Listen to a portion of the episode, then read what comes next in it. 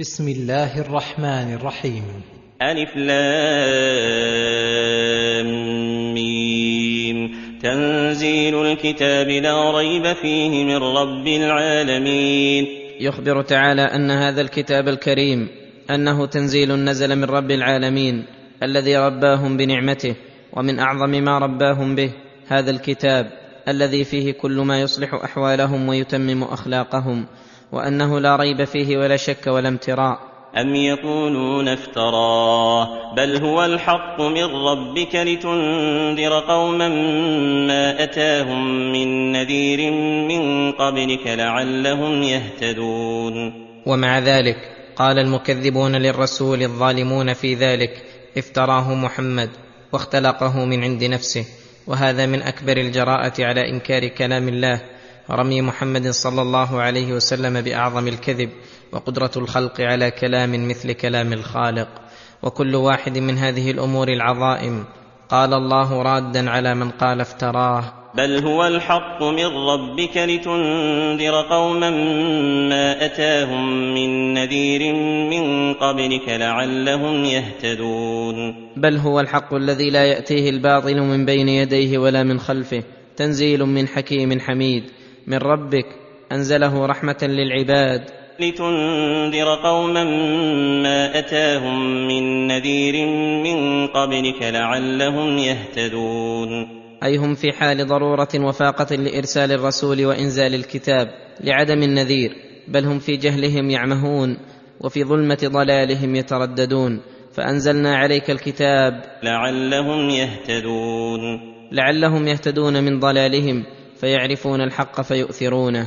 وهذه الأشياء التي ذكرها الله كلها مناقضة لتكذيبهم له وأنها تقتضي منهم الإيمان والتصديق التام به وهو كونه من رب العالمين وأنه الحق والحق مقبول على كل حال وأنه لا ريب فيه بوجه من الوجوه فليس فيه ما يوجب الريبه لا بخبر لا يطابق للواقع ولا بخفاء واشتباه معانيه وأنهم في ضرورة وحاجة إلى الرسالة وأن فيه الهداية لكل خير وإحسان. الله الذي خلق السماوات والأرض وما بينهما في ستة أيام ثم استوى على العرش. ما لكم من دونه من ولي ولا شفيع أفلا تتذكرون. يخبر تعالى عن كمال قدرته بخلق السماوات والأرض وما بينهما في ستة أيام. أولها يوم الأحد وآخرها الجمعة مع قدرته على خلقها بلحظة ولكنه تعالى رفيق حكيم. ثم استوى على العرش الذي هو سقف المخلوقات استواء يليق بجلاله. ما لكم من دونه من ولي ولا شفيع أفلا تتذكرون؟ ما لكم من دونه من ولي يتولاكم في أموركم فينفعكم. ولا شفيع يشفع لكم إن توجه عليكم العقاب. أفلا تتذكرون؟ فتعلمون أن خالق الأرض والسماوات المستوي على العرش العظيم الذي انفرد بتدبيركم وتوليكم وله الشفاعة كلها هو المستحق لجميع أنواع العبادة. يدبر الأمر من السماء إلى الأرض ثم يعرج إليه في يوم كان مقداره ألف سنة مما تعدون. يدبر الأمر القدري والأمر الشرعي الجميع هو المنفرد بتدبيره. نازلة تلك التدابير من عند المليك القدير من السماء إلى الأرض فيسعد بها ويشقي ويغني ويفقر ويعز ويذل. ويكرم ويهين ويرفع أقواما ويضع آخرين وينزل الأرزاق. ثم يعرج إليه أي الأمر ينزل من عنده ويعرج إليه. في يوم كان مقداره ألف سنة مما تعدون. وهو يعرج إليه ويصله في لحظة. ذلك عالم الغيب والشهادة العزيز الرحيم. ذلك الذي خلق تلك المخلوقات العظيمة. الذي استوى على العرش العظيم وانفرد بالتدابير في المملكة. عالم الغيب والشهادة العزيز الرحيم. فبسعة علمه وكمال عزته وعموم رحمته أوجدها وأودع فيها من المنافع ما أودع ولم يعسر عليه تدبيرها. الذي أحسن كل شيء خلقه وبدأ خلق الإنسان من طين. أي كل مخلوق خلقه الله فإن الله أحسن خلقه وخلقه خلقا يليق به ويوافقه فهذا عام. ثم خص الآدمي لشرفه وفضله فقال وبدأ خلق الإنسان من طين. وذلك بخلق آدم عليه السلام أبي البشر. ثم جعل نسله من سلالة من ماء مهين. ثم جعل نسله أي ذرية آدم ناشئة من ماء مهين وهو النطفة المستقذرة الضعيفة. ثم سواه ونفخ فيه من روحه وجعل لكم السمع والأبصار والأفئدة قليلا ما تشكرون. ثم سواه بلحمه وأعضائه وأعصابه وعروقه وأحسن خلقته ووضع كل عضو منه بالمحل الذي لا يليق به غيره. ونفخ فيه من روحه بأن أرسل إليه الملك فينفخ فيه الروح فيعود بإذن الله حيوانا بعد إذ كان جمادا. وجعل لكم السمع والأبصار والأفئدة قليلا ما تشكرون. وجعل لكم السمع والأبصار أي ما زال يعطيكم من المنافع شيئا فشيئا حتى أعطاكم السمع والأبصار والأفئدة. قليلا ما تشكرون. قليلا ما تشكرون الذي خلقكم وصوركم. وقالوا أإذا ضللنا في الأرض أإنا لفي خلق جديد بل هم بلقاء ربهم كافرون. أي قال المكذبون بالبعث على وجه الاستبعاد أإذا ضللنا في الأرض أي بلينا وتمزقنا وتفرقنا في المواضع التي لا تعلم. أإنا لفي خلق جديد أي لمبعوثون بعثا جديدا بزعمهم أن هذا من أبعد الأشياء وذلك لقياسهم قدرة الخالق بقدرهم. وكلامهم هذا ليس لطلب الحقيقة وإنما هو ظلم وعناد وكفر بلقاء ربهم وجحد. ولهذا قال بل هم بلقاء ربهم كافرون. فكلامهم علم مصدره وغايته وإلا فلو كان قصدهم بيان الحق لبين لهم من الأدلة القاطعة على ذلك. ما يجعله مشاهدا للبصيرة بمنزلة الشمس للبصر ويكفيهم أنهم معهم علم أنهم قد ابتدؤوا من العدم فالإعادة أسهل من الابتداء. وكذلك الأرض الميتة ينزل الله عليها المطر فتحيا بعد موتها وينبت به متفرق بذورها. قل يتوفاكم ملك الموت الذي وكل بكم ثم إلى ربكم ترجعون. أي جعله الله وكيلا على قبض الأرواح وله أعوان. ثم إلى ربكم ترجعون. فيجزيكم بأعمالكم وقد أنكرتم البعث. فانظروا ماذا يفعل الله بكم. ولو ترى إذ المجرمون ناكسوا رؤوسهم عند ربهم ربنا أبصرنا وسمعنا فارجعنا نعمل صالحا إنا موقنون. لما ذكر تعالى رجوعهم إليه يوم القيامة ذكر حالهم في مقامهم بين يديه فقال ولو ترى إذ المجرمون الذين أصروا على الذنوب العظيمة ناكسوا رؤوسهم عند ربهم خاشعين خاضعين أذلاء مقرين بجرمهم سائلين الرجعة قائلين ربنا أبصرنا وسمعنا أي بان لنا الأمر ورأيناه عيانا فصار عين يقين. فارجعنا نعمل صالحا إنا موقنون. أي صار عندنا الآن يقين بما كنا نكذب به. أي لرأيت أمرا فظيعا وحالا مزعجة وأقواما خاسرين وسؤلا غير مجاب لأنه قد مضى وقت الإمهال. وكل هذا بقضاء الله وقدره حيث خلى بينهم وبين الكفر والمعاصي. فلهذا قال ولو شئنا لآتينا كل نفس هداها. أي لهدينا الناس كلهم وجمعناهم على الهدى فمشيئتنا صالحة لذلك ولكن الحكمة تأبى أن يكونوا كلهم على الهدى. ولهذا قال ولكن حق القول مني لأملأن جهنم من الجنة والناس أجمعين. ولكن حق القول مني أي وجب وثبت ثبوتا لا تغير فيه. لأملأن جهنم من الجنة والناس أجمعين. فهذا الوعد لا بد منه ولا محيد عنه فلا بد من تقدير أسبابه من الكفر والمعاصي. فذوقوا بما نسيتم لقاء يومكم هذا إنا نسيناكم. وذوقوا عذاب الخلد بما كنتم تعملون. أي يقال للمجرمين الذين ملكهم الذل وسألوا الرجعة إلى الدنيا ليستدركوا ما فاتهم. قد فات وقت الرجوع ولم يبق إلا العذاب. فذوقوا العذاب الأليم بما نسيتم لقاء يومكم هذا. وهذا النسيان نسيان ترك.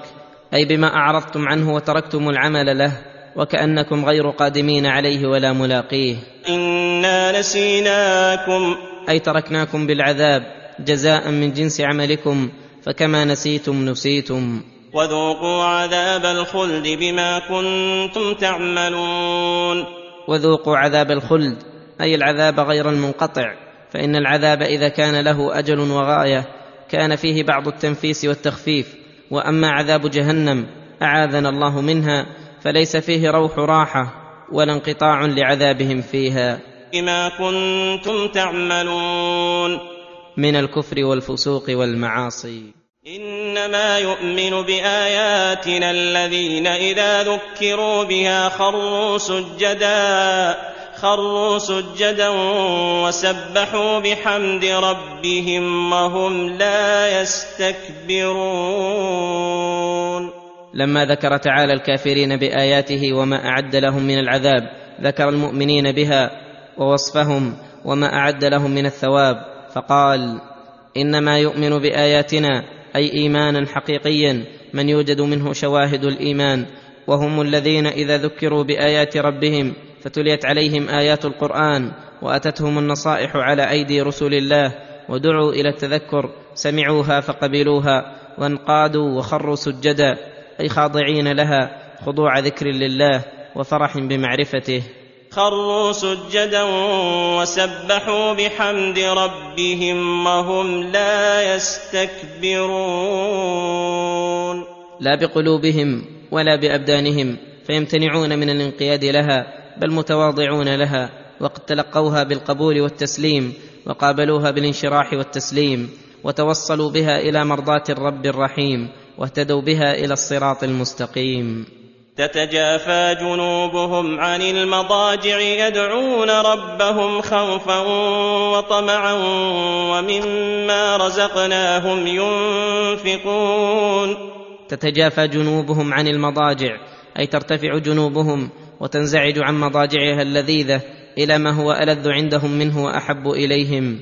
وهو الصلاة في الليل ومناجاة الله تعالى. ولهذا قال يدعون ربهم أي في جلب المصالح الدينية والدنيوية ودفع مضارهما خوفا وطمعا أي جامعين بين الوصفين خوفا أن ترد أعمالهم وطمعا في قبولها خوفا من عذاب الله وطمعا في ثوابه. ومما رزقناهم ينفقون. ومما رزقناهم من الرزق قليلا كان أو كثيرا ينفقون ولم يذكر قيد النفقة. ولا المنفق عليه ليدل على العموم فإنه يدخل فيه النفقة الواجبة كالزكوات والكفارات ونفقة الزوجات والأقارب والنفقة المستحبة في وجوه الخير والنفقة والإحسان المالي خير مطلقا سواء وافق غنيا أو فقيرا قريبا أو بعيدا ولكن الأجر يتفاوت بتفاوت النفع فهذا عملهم وأما جزاؤهم فقال فلا تعلم نفس ما أخفي لهم من قرة أعين جزاء بما كانوا يعملون فلا تعلم نفس يدخل فيه جميع نفوس الخلق لكونها نكرة في سياق النفي أي فلا يعلم أحد ما أخفي لهم من قرة أعين من الخير الكثير والنعيم الغزير والفرح والسرور. واللذة والحبور كما قال تعالى على لسان رسوله أعددت لعبادي الصالحين ما لا عين رأت ولا أذن سمعت ولا خطر على قلب بشر. فكما صلوا في الليل ودعوا وأخفوا العمل جازاهم من جنس عملهم فأخفى أجرهم ولهذا قال جزاء بما كانوا يعملون. افمن كان مؤمنا كمن كان فاسقا لا يستوون ينبه تعالى العقول على ما تقرر فيها من عدم تساوي المتفاوتين المتباينين وأن حكمته تقتضي عدم تساويهما. فقال افمن كان مؤمنا قد عمر قلبه بالايمان وانقادت جوارحه لشرائعه واقتضى إيمانه آثاره وموجباته من ترك مساخط الله التي يضر وجودها بالإيمان. كمن كان فاسقا قد خرب قلبه وتعطل من الإيمان. فلم يكن فيه وازع ديني فأسرعت جوارحه بموجبات الجهل والظلم من كل إثم ومعصية وخرج بفسقه عن طاعة الله. أفيستوي هذان الشخصان؟ لا يستوون. لا يستوون عقلا وشرعا كما لا يستوي الليل والنهار والضياء والظلمة. وكذلك لا يستوي ثوابهما في الآخرة. أما الذين آمنوا وعملوا الصالحات فلهم جنات المأوى فلهم جنات المأوى نزلا بما كانوا يعملون. أما الذين آمنوا وعملوا الصالحات من فروض ونوافل فلهم جنات المأوى أي الجنات التي هي مأوى اللذات ومعدن الخيرات ومحل الأفراح ونعيم القلوب والنفوس والأرواح ومحل الخلود وجوار الملك المعبود والتمتع بقربه والنظر إلى وجهه وسماع خطابه نزلا لهم أي ضيافة وقرا. بما كانوا يعملون. فأعمالهم التي تفضل الله بها عليهم هي التي أوصلتهم لتلك المنازل الغالية العالية التي لا يمكن التوصل إليها ببذل الأموال ولا بالجنود والخدم ولا بالأولاد بل ولا بالنفوس والأرواح ولا يتقرب إليها بشيء أصلا سوى الإيمان والعمل الصالح. وأما الذين فسقوا فمأواهم النار. وأما الذين فسقوا فمأواهم النار أي مقرهم ومحل خلودهم النار التي جمعت كل عذاب وشقاء. ولا يفتر عنهم العقاب ساعة. كلما أرادوا أن يخرجوا منها أعيدوا فيها. فكلما حدثتهم إرادتهم بالخروج لبلوغ العذاب منهم كل مبلغ ردوا إليها فذهب عنهم روح ذلك الفرج واشتد عليهم الكرب. وقيل لهم ذوقوا عذاب النار. فهذا عذاب النار. الذي يكون فيه مقرهم ومأواهم وأما العذاب الذي قبل ذلك ومقدمة له وهو عذاب البرزخ فقد ذكره بقوله ولنذيقنهم من العذاب الادنى دون العذاب الاكبر لعلهم يرجعون. أي ولنذيقن الفاسقين المكذبين نموذجا من العذاب الادنى وهو عذاب البرزخ فنذيقهم طرفا منه قبل ان يموتوا. إما بعذاب بالقتل ونحوه كما جرى لأهل بدر من المشركين وإما عند الموت كما في قوله تعالى ولو ترى إذ الظالمون في غمرات الموت والملائكة باسطوا أيديهم أخرجوا أنفسكم اليوم تجزون عذاب الهون ثم يكمل لهم العذاب الأدنى في برزخهم وهذه الآية من الأدلة على إثبات عذاب القبر ودلالتها ظاهرة فإنه قال ولنذيقنهم من العذاب الأدنى أي بعض وجزء منه فدل على أن ثم عذابا أدنى قبل العذاب الأكبر وهو عذاب النار. ولما كانت الإذاقة من العذاب الأدنى في الدنيا قد لا يتصل بها الموت فأخبر تعالى أنه يذيقهم ذلك لعلهم يرجعون إليه ويتوبون من ذنوبهم. كما قال تعالى ظهر الفساد في البر والبحر بما كسبت أيدي الناس ليذيقهم بعض الذي عملوا لعلهم يرجعون. ومن أظلم ممن ذكر بآيات ربه ثم أعرض عنها إنا من المجرمين منتقمون. أي لا أحد أظلم وأزيد تعديا ممن ذكر بآيات ربه التي اوصلها إليه ربه الذي يريد تربيته وتكميل نعمته عليه على يد رسله. تأمره وتذكره مصالحه الدينية والدنيوية. وتنهاه عن مضاره الدينية والدنيوية التي تقتضي أن يقابلها بالإيمان والتسليم والانقياد والشكر فقابلها هذا الظالم بضد ما ينبغي فلم يؤمن بها ولا اتبعها بل أعرض عنها وتركها وراء ظهره فهذا من أكبر المجرمين الذين يستحقون شديد النقمة ولهذا قال أنا من المجرمين منتقمون ولقد اتينا موسى الكتاب فلا تكن في مريه من لقائه وجعلناه هدى لبني اسرائيل لما ذكر تعالى اياته التي ذكر بها عباده وهو القران الذي انزله على محمد صلى الله عليه وسلم ذكر انه ليس ببدع من الكتب ولا من جاء به بغريب من الرسل فقد آتى الله موسى الكتاب الذي هو التوراة المصدقة للقرآن التي قد صدقها القرآن فتطابق حقهما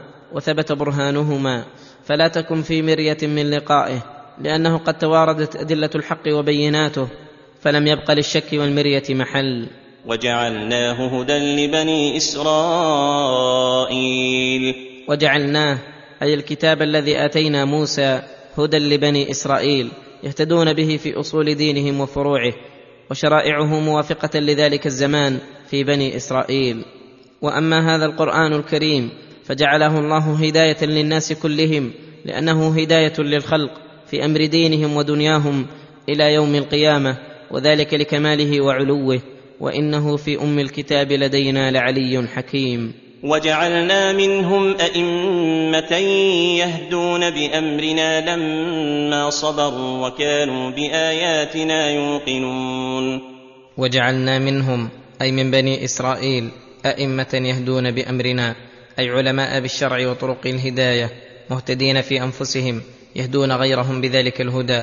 فالكتاب الذي أنزل إليهم هدى والمؤمنون به منهم على قسمين أئمة يهدون بأمر الله وأتباع مهتدون بهم. والقسم الأول أرفع الدرجات بعد درجة النبوة والرسالة وهي درجة الصديقين.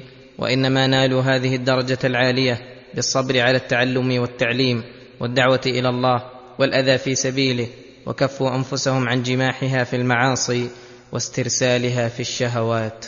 وكانوا بآياتنا يوقنون. أي وصلوا في الإيمان بآيات الله إلى درجة اليقين. وهو العلم التام الموجب للعمل وإنما وصلوا إلى درجة اليقين لأنهم تعلموا تعلما صحيحا وأخذوا المسائل عن أدلتها المفيدة لليقين. فما زالوا يتعلمون المسائل ويستدلون عليها بكثرة الدلائل حتى وصلوا لذاك.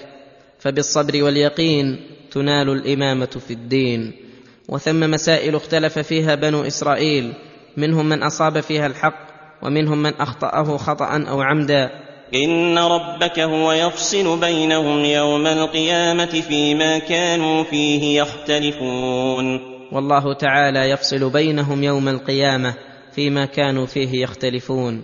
وهذا القرآن يقص على بني إسرائيل بعض الذي يختلفون فيه فكل خلاف وقع بينهم ووجد في القرآن تصديق لأحد القولين فهو الحق وما عداه مما خالفه باطل. أولم يهد لهم كم أهلكنا من قبلهم من القرون يمشون في مساكنهم إن في ذلك لآيات أفلا يسمعون. يعني أولم يتبين لهؤلاء المكذبين للرسول ويهدهم إلى الصواب كم أهلكنا من قبلهم من القرون الذين سلكوا مسلكهم يمشون في مساكنهم فيشاهدونها عيانا كقوم هود وصالح وقوم لوط. إن في ذلك لآيات أفلا يسمعون ان في ذلك لايات يستدل بها على صدق الرسل التي جاءتهم وبطلان ما هم عليه من الشرك والشر وعلى ان من فعل مثل فعلهم فعل بهم كما فعل باشياعه من قبل وعلى ان الله تعالى مجازي العباد وباعثهم للحشر والتناد أفلا يسمعون افلا يسمعون ايات الله فيعونها فينتفعون بها فلو كان لهم سمع صحيح وعقل رجيح لم يقيموا على حالة يجزم بها بالهلاك. أولم يروا أنا نسوق الماء إلى الأرض الجرز فنخرج به زرعا تأكل منه أنعامهم وأنفسهم أفلا يبصرون. أولم يروا بأبصارهم نعمتنا وكمال حكمتنا أنا نسوق الماء إلى الأرض الجرز التي لا نبات فيها فيسوق الله المطر الذي لم يكن قبل موجودا فيها فيفرغه فيها من السحاب أو من الأنهار فنخرج به زرعا أي نباتا مختلف الأنواع. تأكل منه أنعامهم وأنفسهم أفلا يبصرون. تأكل منه أنعامهم وهو نبات البهائم وأنفسهم وهو طعام الآدميين. أفلا يبصرون. أفلا يبصرون تلك المنة؟ التي أحيا الله بها البلاد والعباد فيستبصرون فيهتدون بذلك البصر وتلك البصيرة إلى الصراط المستقيم.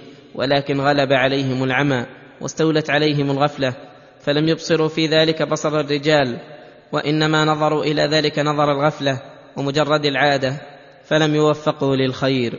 ويقولون متى هذا الفتح إن كنتم صادقين؟ اي يستعجل المجرمون بالعذاب الذي وعدوا به على التكذيب جهلا منهم ومعاندة. ويقولون متى هذا الفتح الذي يفتح بيننا وبينكم؟ بتعذيبنا على زعمكم. إن كنتم أيها الرسل صادقين في دعواكم. قل يوم الفتح لا ينفع الذين كفروا إيمانهم ولا هم ينظرون. قل يوم الفتح الذي يحصل به عقابكم لا تستفيدون به شيئا. فلو كان إذا حصل حصل إمهالكم لتستدركوا ما فاتكم حين صار الأمر عندكم يقينا لكان لذلك وجه. ولكن إذا جاء يوم الفتح انقضى الأمر ولم يبق للمحنة محل. فلا ينفع الذين كفروا إيمانهم لأنه صار إيمان ضرورة. ولا هم ينظرون. أي يمهلون فيؤخر عنهم العذاب فيستدركون أمرهم. فأعرض عنهم وانتظر إنهم منتظرون. فأعرض عنهم لما وصل خطابهم إلى حالة الجهل واستعجال العذاب وانتظر الأمر الذي يحل بهم فإنه لا بد منه ولكن له أجل إذا جاء لا يتقدم ولا يتأخر. إنهم منتظرون. إنهم منتظرون بك ريب المنون ومتربصون بكم دوائر السوء والعاقبة للتقوى.